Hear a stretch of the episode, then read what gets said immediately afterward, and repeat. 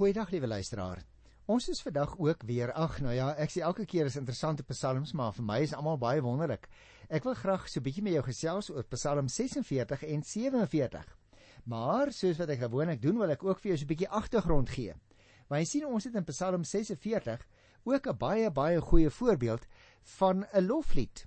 En dit is natuurlik vir ons van belang om so ietsie met mekaar daaroor te praat. Die psalmdigters, liewe luisteraars, sing baie keer lofliedere vir die Here waaroor hy of hulle die digters natuurlik baie bly is. En nou onthou dit ek vir jou al dikwels die beeld gebruik om te sê ons kan die psalms aantrek om enige moontlike menslike emosie as dit ware te verklank. En miskien het jy ook die behoefte om 'n loflied te sing sommer net op die grootheid van die Here. En dan wens jy, ag, ek was 'n digter en ek kon so 'n pragtige 'n loflied dig en dit ook sing. Ag nou ja, dit maak nie saak of jy dit is of nie luisteraar. Dit is waarvoor die psalms juis daar is. Jy vat 'n loflied soos Psalm 46 ook, byvoorbeeld, en jy sing dit as 'n lied vir die Here. Jy trek dit aan as dit ware soos 'n jas. En daarom gesels ek met jou hieroor want jy sien, soms wil jy en ek ook 'n lied sing omdat ons self bly is.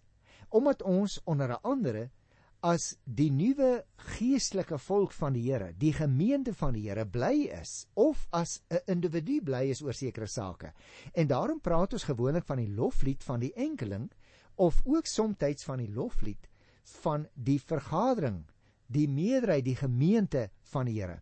Dis baie interessant as mense in die Ou Testament gaan kyk, die oudste lofliedere is nie aan 'n besondere heiligdom verbind nie maar is byvoorbeeld ook soos oorwinningsliedere sommer spontaan aangeheg daar by die plek waar die redding deur die gelowiges ervare is. Gaan kyk maar byvoorbeeld daar by die Rietsee in Eksodus 15 of ook wanneer hulle by een of ander by mekaar kom plek vergader het. Gaan kyk in Rigters 5 of ook 'n uh, eh, Psalm 118 by vers 15.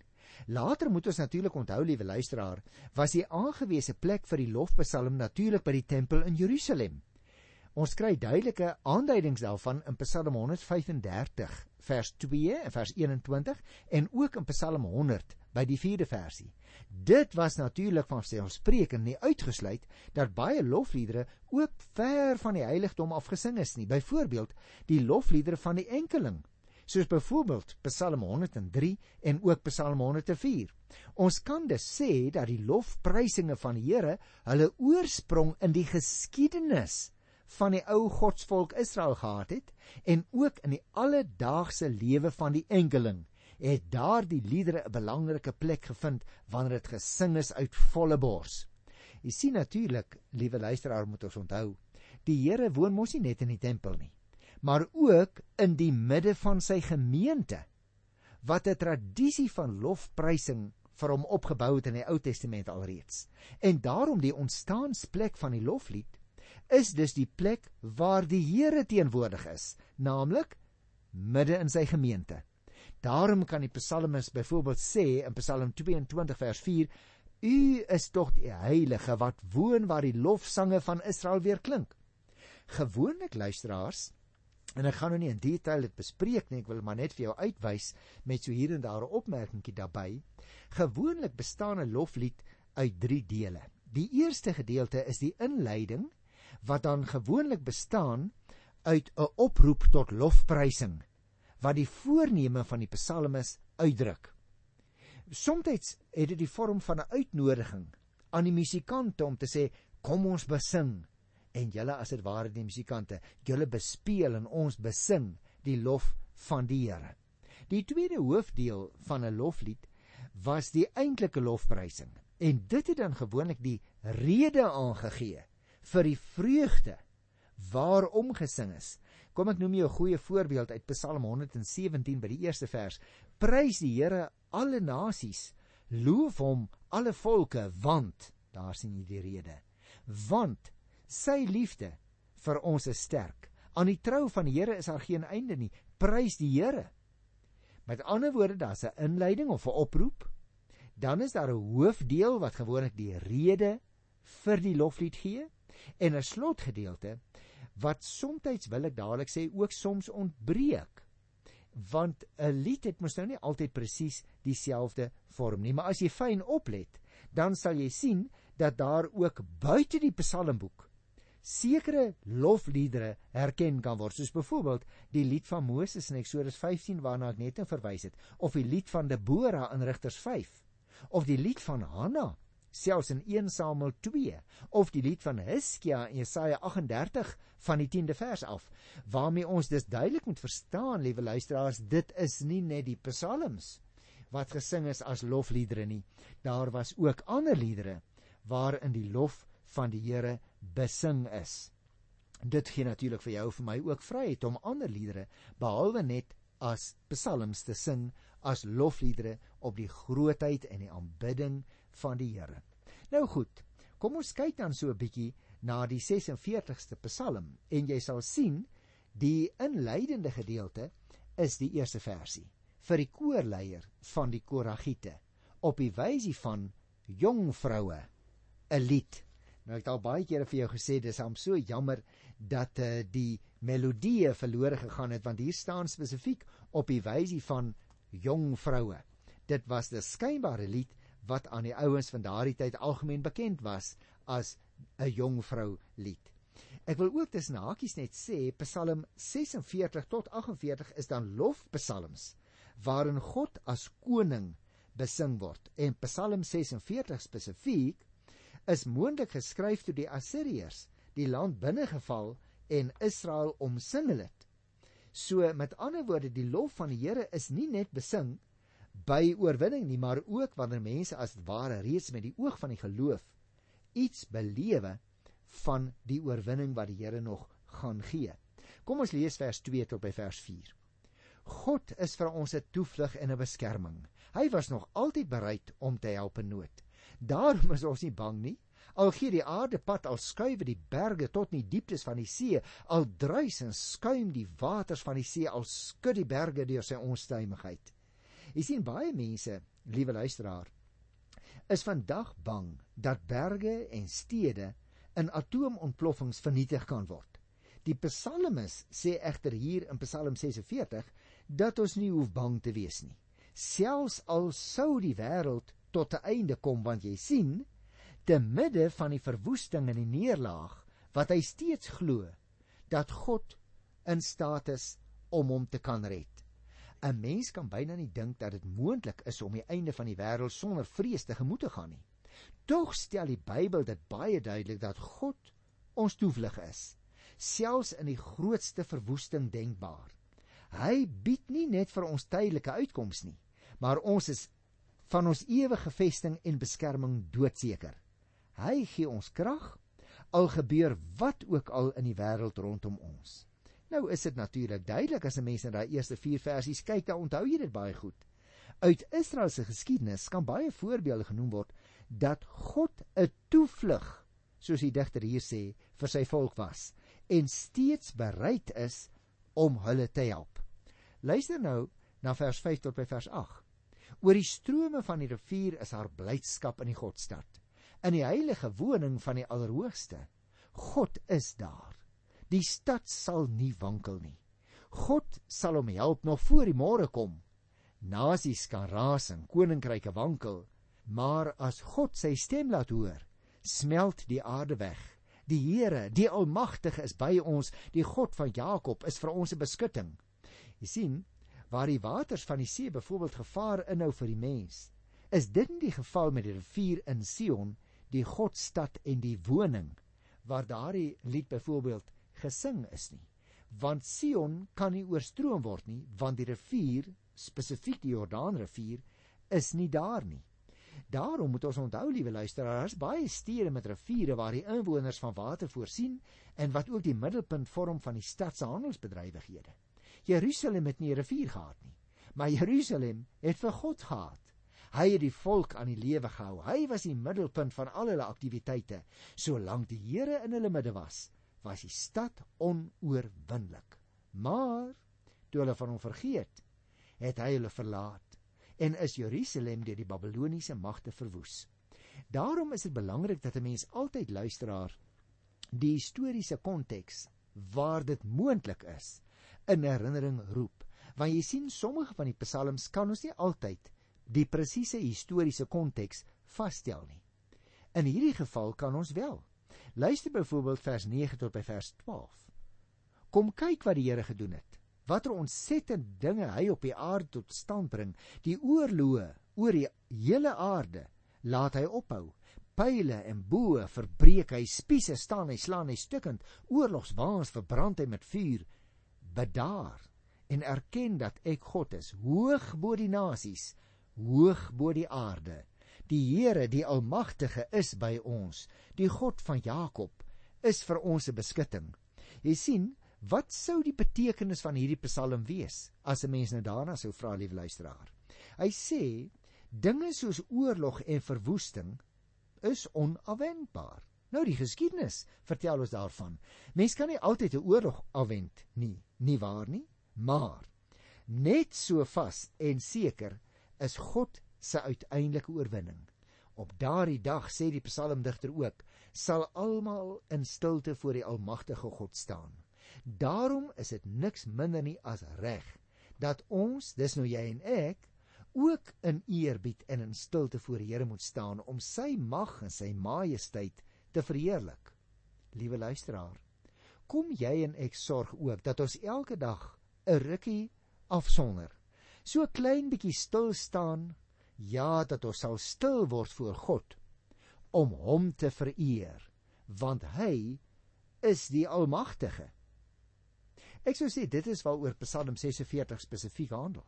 En dit bring my dan byna by 'n soortgelyke Psalm, naamlik Psalm 47, maar tog lê die klem so 'n bietjie anders. Want jy sien, liewe luisteraar, in Psalm 47 het ons uit en uit te maak wat met wat soms genoem word 'n Sionslied. En daarom wil ek eers so 'n bietjie met jou daaroor gesels, want dit is ook vir ons van groot belang om uh, dit baie goed te verstaan. Jy sien in Psalm 47, die opskrif daar, God is bo almal verhewe. Mense sou dit ook anders kon uh saamvat en sê die Here is die groot koning. Want ek het al vir jou verduidelik, liewe luisteraar, dat die psalms ook soos enige ander skrifgedeelte 'n eerste trefpunt het.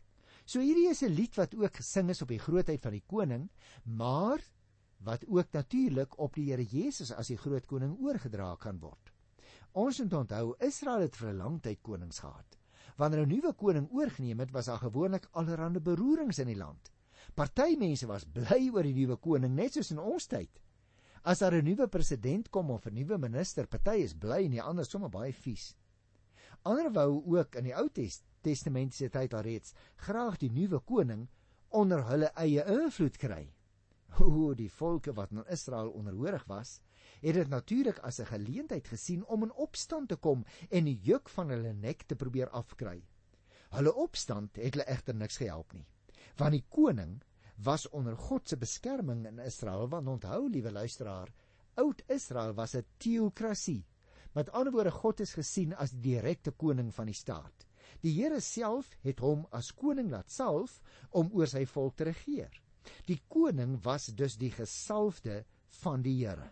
God het hom self beskou as sy seun wat in 'n besondere verhouding met die Here gestaan het. God gee dus aan die koning die krag om as koning te regeer. Hy het aan hom die oorwinning gegee teen elke een wat teen die Israelitiese koning in opstand sou kom.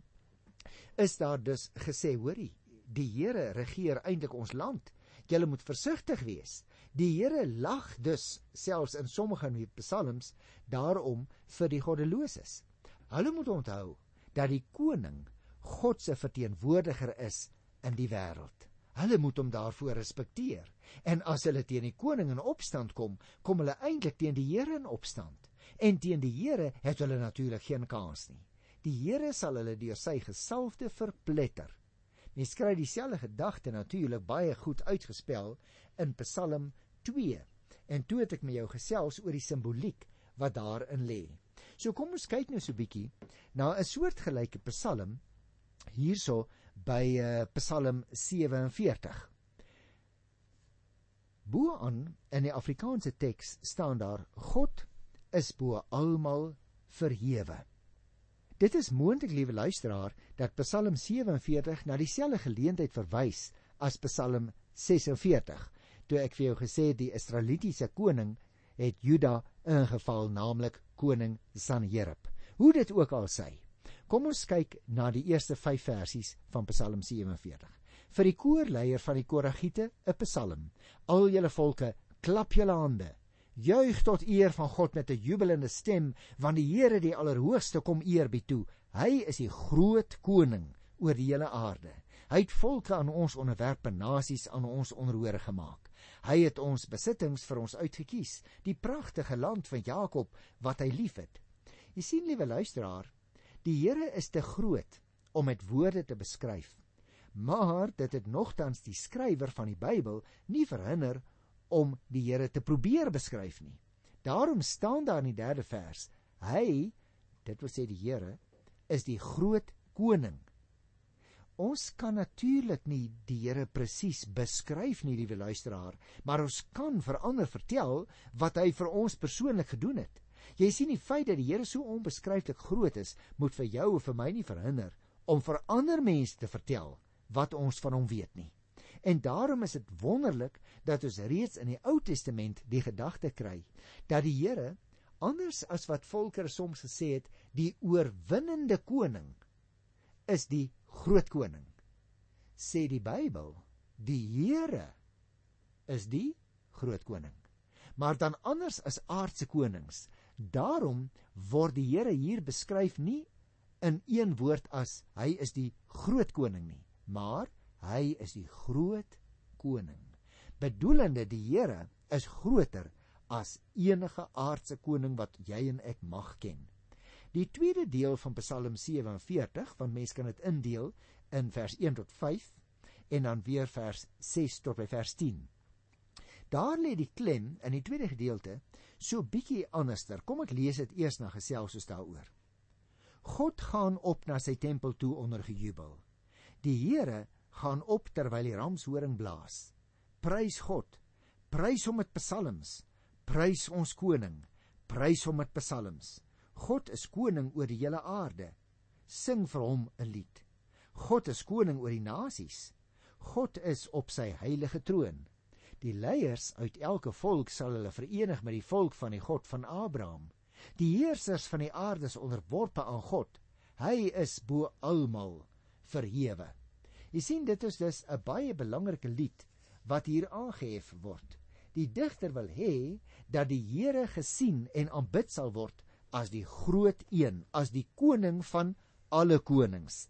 En daarom roep hy in die 10de vers die leiers van al die nasies op om nou saam met die nageslag van Abraham na die tempel toe te kom om daar hulle onderdanigheid aan die Here te bely.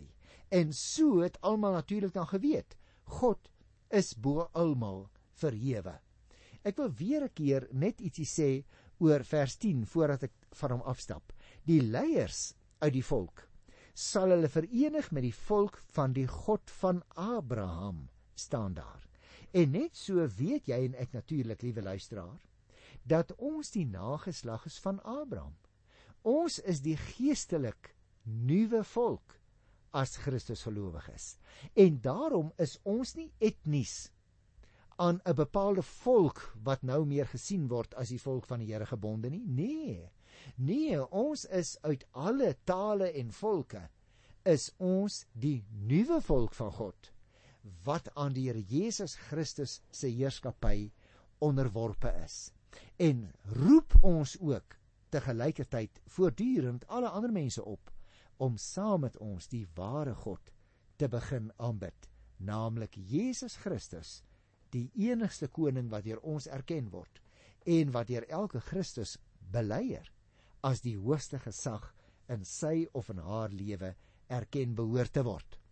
Die Psalm sluit dus af, liewe luisteraar, met hierdie gedagte in die 10de vers wat dan ook opgeneem word deur Paulus wanneer hy vir die gemeente in uh, Galasiërs skrywe.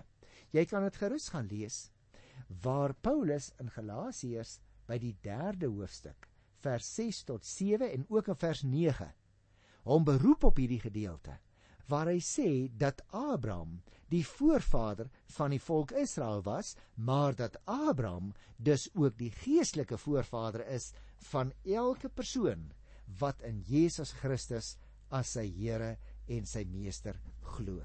Nou goed, voordat ons afsluit uh, met Psalm 46 en 47, wil ek tog so 'n bietjie met jou daaroor gesels, want die tema is 'n wonderlike tema. God is vir ons 'n toevlug, Psalm 46 en Psalm 47. God is bo almal verhewe. Daarom dat ek ook hierdie twee psalms met mekaar saam behandel het vandag. Want jy sien, die afgelope week dink ek kan jy en ek met reg weer sê, hoe dat ons oor die televisie na geweld kyk, in die dagblad daarvan lees. In verskillende lande is daar geweld nie net in ons lande nie. En jy kry natuurlik verskillende aksies. Die reaksies wissel tussen simpatie, ek wil amper vir jou sê, tot 'n stuk verlekkering wanneer sommige mense hartseer is simpatie het met wat gebeur het is daar altyd weer 'n ander groep wat bly is oor wat gebeur. Nou ek wil nie in ons program ingaan op die meriete van hierdie verskillende reaksies wat jy en ek mag belewe nie. Ek wil net daarop wys liewe luisteraar dat die Bybel 'n belangrike perspektief hier na vore bring. Want jy sien die Bybel sê vir jou vir my as gelowige dat ons in elke omstandigheid, wat ons ook al hoor op die televisie, wat ons ook al lees in die dagblad, dat ons altyd die lof finaal aan die Here sal bring. Ek meen dat een moontlike perspektief juis in hierdie twee psalms na vore gekom het dat wat ook al oor jou as individu mag kom, wat ook al oor die land mag kom waarin jy woon, wat ook al aan die bevolkingsgroep waaraan jy mag behoort, wat hulle tref. Die eer moet altyd uiteindelik nie aan mense gebring word nie, maar aan die Here. Ek het vir jou gesê die agtergrond, die historiese agtergrond vir hierdie twee psalms is waarskynlik die situasie toe die Assiriërs die destydse Palestina binnegeval het. En jy kan nou net dink met watter ellende dit saamgehang het. Daar is dus genoeg redes om in sulke omstandighede in sak en as te gaan sit en sê kyk wat tref ons in ons land tog nou alweer. Maar wat doen die gelowige? Ja, hy kyk na die oorlogssituasie wat in daardie tyd al dringender en meer dreigend word. Maar vir wie aanbid hy? Vir wie sien hy as die een wat hom kan uithelp? Die groot koning, naamlik die Here. Want hy is die een in wie hierdie psalmdigter glo. Hy is die een aan wie hy behoort. Hy is die finale een aan wie finaal die eer en die aanbidding en die lof toegebring word. Daarom wil ek jou wys op die twee slotverse van albei die psalms 46 en 47. Kom ons kyk eers na 'n uh, Psalm 46 hierso by vers 11 of vers 12. Bedaar en, en erken dat ek God is, hoog bo die nasies, hoog bo die aarde. Die Here, die Almagtige is by ons, die God van Jakob, is vir ons 'n beskutting. En dit, liewe luisteraar, ek ken ook nie jou persoonlike omstandighede nie. Dalk kry jy swaar. Maar wat is die belydenis wat jy dra? Wie is die een op wie jy jou oog hou as die een wat jou gaan beskerm in jou omstandighede? Dis byna op 'n identiese manier dat Psalm 47 afsluit. Luister. Die leiers uit elke volk sal hulle verenig met die volk van die God van Abraham. Die heersers van die aarde is onderworpe aan God. Hy is bo almal verhewe. En daar sien jy dit, liewe luisteraar. Uiteindelik, volgens Paulus ook, ek het jou gesê, dit kom uit sy aanhaling uit die boek Galasiërs. Hy is die een wat finaal vir jou vir my wil wys aan God al die eer. Die Vader van ons Here Jesus Christus.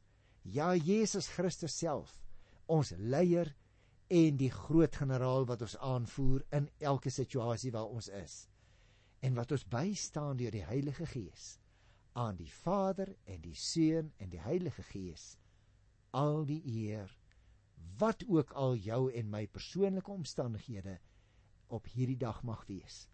Ek groet jou in sy wonderlike naam tot volgende keer. Tot dan. Totsiens.